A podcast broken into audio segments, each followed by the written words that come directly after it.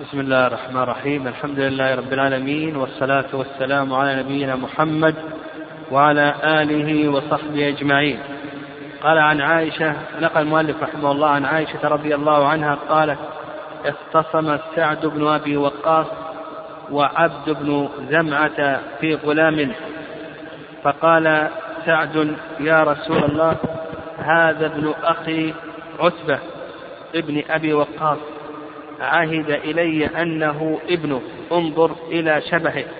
وقال عبد بن زمعة هذا أخي يا رسول الله ولد على فراش أبي من وليدته. قوله عهد عهد إلي يعني أوصى إلي. فسعد يقول بأن أخاه عتبة أوصى له في هذا الغلام وأن هذا الغلام ابنه.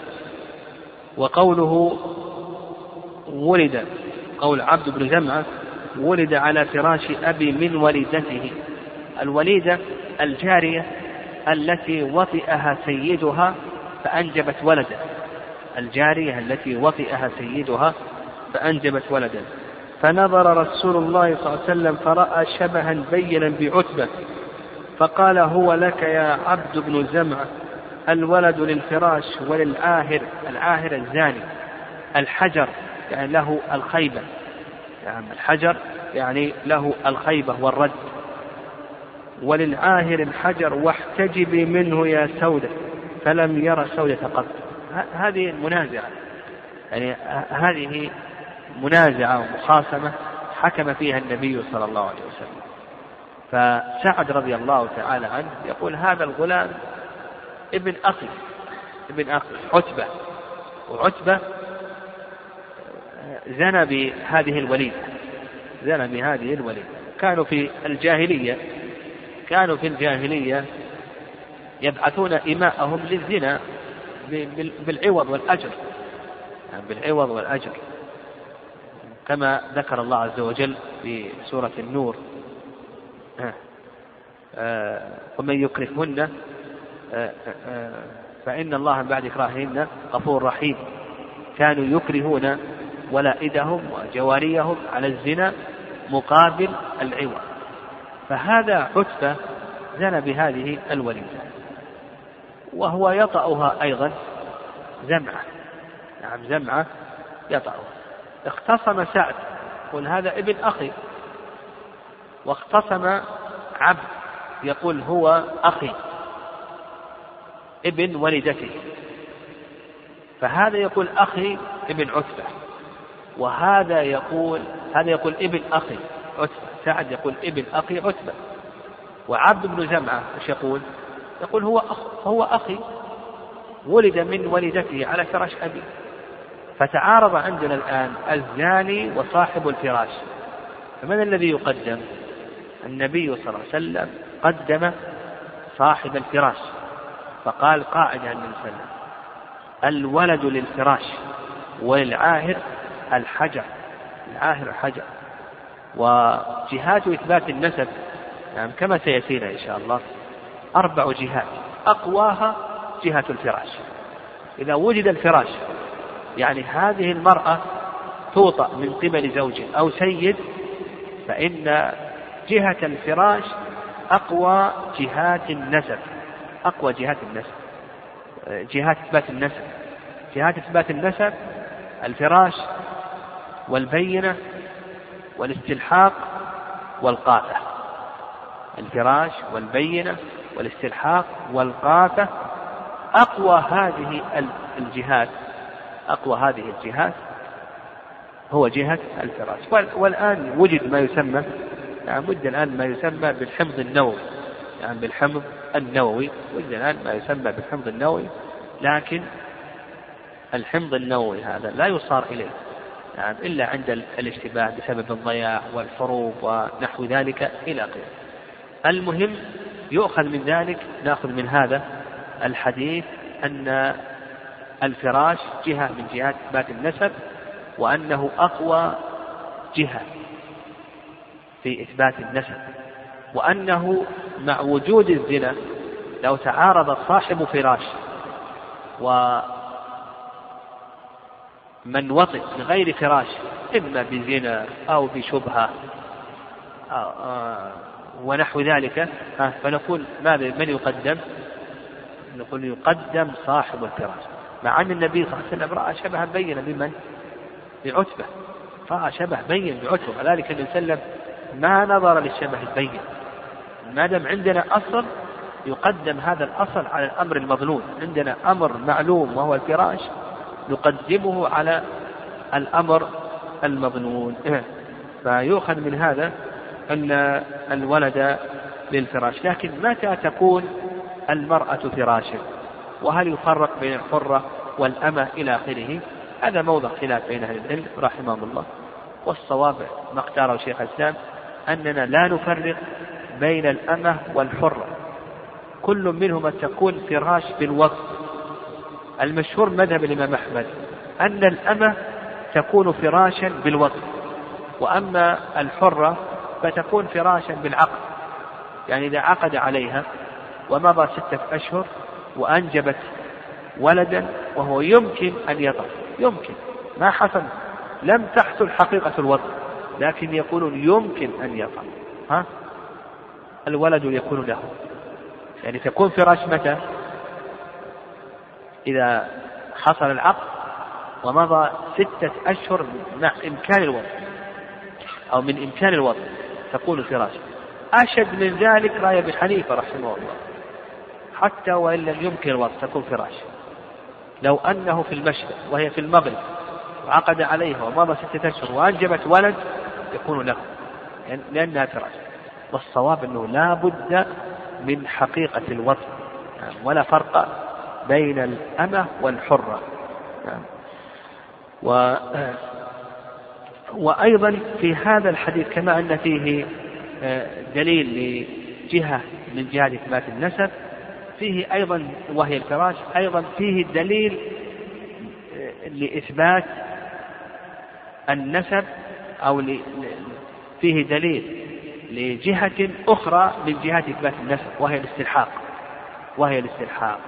فسعد أراد أن يستلحقه وعبد بن زمعة أراد أن يستلحقه ففيه أيضا دليل لهذه الجهة. فهذا الحديث اشتمل على دليلين آه، على إثبات جهتين من جهات إثبات النسب هما الفراش وكذلك أيضا الاستلحاق. نعم هما الفراش وكذلك أيضا الاستلحاق. أيضا قول النبي صلى الله عليه وسلم فنظر وسلم فرأى شبها بينا بعتبة فقال هو لك يا عبد بن زمعة الولد الفراش والآهر الحجر واحتجب منه يا سود يعني أن حكم الحاكم مبني على الظاهر. الظاهر فيه فراش نعمل بالفراش. وأيضا حكم القاضي لا يغير الباطل. لا يغير الباطل. ولهذا قال النبي صلى الله عليه وسلم واحتجب منه يا سودة لما رأى شبها بين بمن؟ بعتبة لأنه هذا يحتمل أنه من عتبة وليس من زمعة فيكون أخا لسودة فأمر النبي صلى الله عليه وسلم سودة أن تحتجب منه مع أنه ألحقه بمن؟ ها؟ ألحقه بزمعة جعله ابنا لزمعة وزمعة بنت آه، سودة من زمعة على هذا يكون أخا لمن؟ لسودة مع ذلك أن وسلم أمر سودة أن تحتجب منه لأن الباطل قد يكون ابنا لعتبة وليس ابنا لزمعة. فأمر النبي صلى الله عليه وسلم سودة أن تحتجب منه. فنقول هذه قاعدة أن حكم أن القاضي يحكم على الظاهر وأن الحكم الظاهر لا يغير الباطل. النبي صلى الله عليه وسلم يقول إنكم تختصمون إلي فلعل بعضكم أن يكون ألحن بحجته من بعض فأقضي على نحو ما أسمع فإنما أقطع له قطعة من النار. يعني قد يحكم القاضي على الظاهر وعلى الشهود إلى آخره لكن الباطل على خلاف ذلك. وأن هذا المال لخلاف هذا المال ليس لمن قضى له القاضي لمن قضى عليه القاضي. هل هذا يغير حكم القاضي؟ هل يغير الباطل لا يغير الباطل ولا يحل له. إذا كان يعرف أن هذا المال ليس له يقول لا يحل له أن يأخذ مال أخيه. وفي هذا أيضا العمل بالاحتياط. يقول في هذا العمل بالاحتياط لأن النبي صلى الله عليه وسلم قال واحتجب منه يا سودة. وفي هذا أيضا العمل بالقرائن.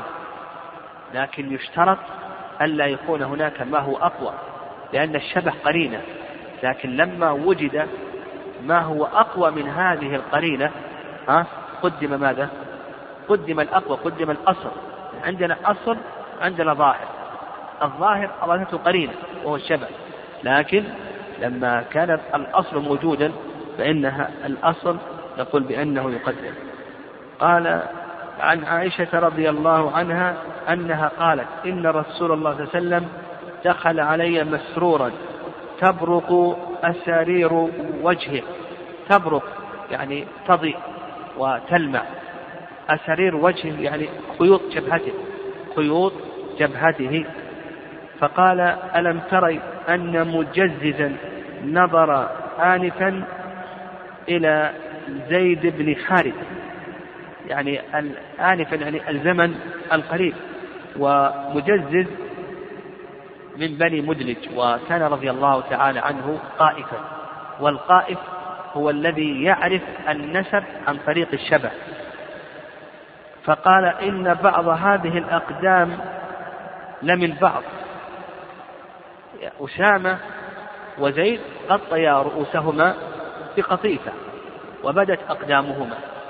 فنظر إليها مجزز فعرف أن هذه الأقدام بعضها من بعض لأن زيد لونه يختلف عن لون أسامة هذا أسمر يعني هذا أسود أسامة وزيد رضي الله تعالى عنه كان أبيض كان أبيض.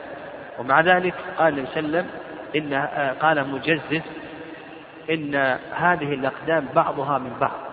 ففي هذا دليل لإثبات النسب أو لجهة من جهات إثبات النسب وهي القافة ونحن ذكرنا أن جهات إثبات النسب أربعة.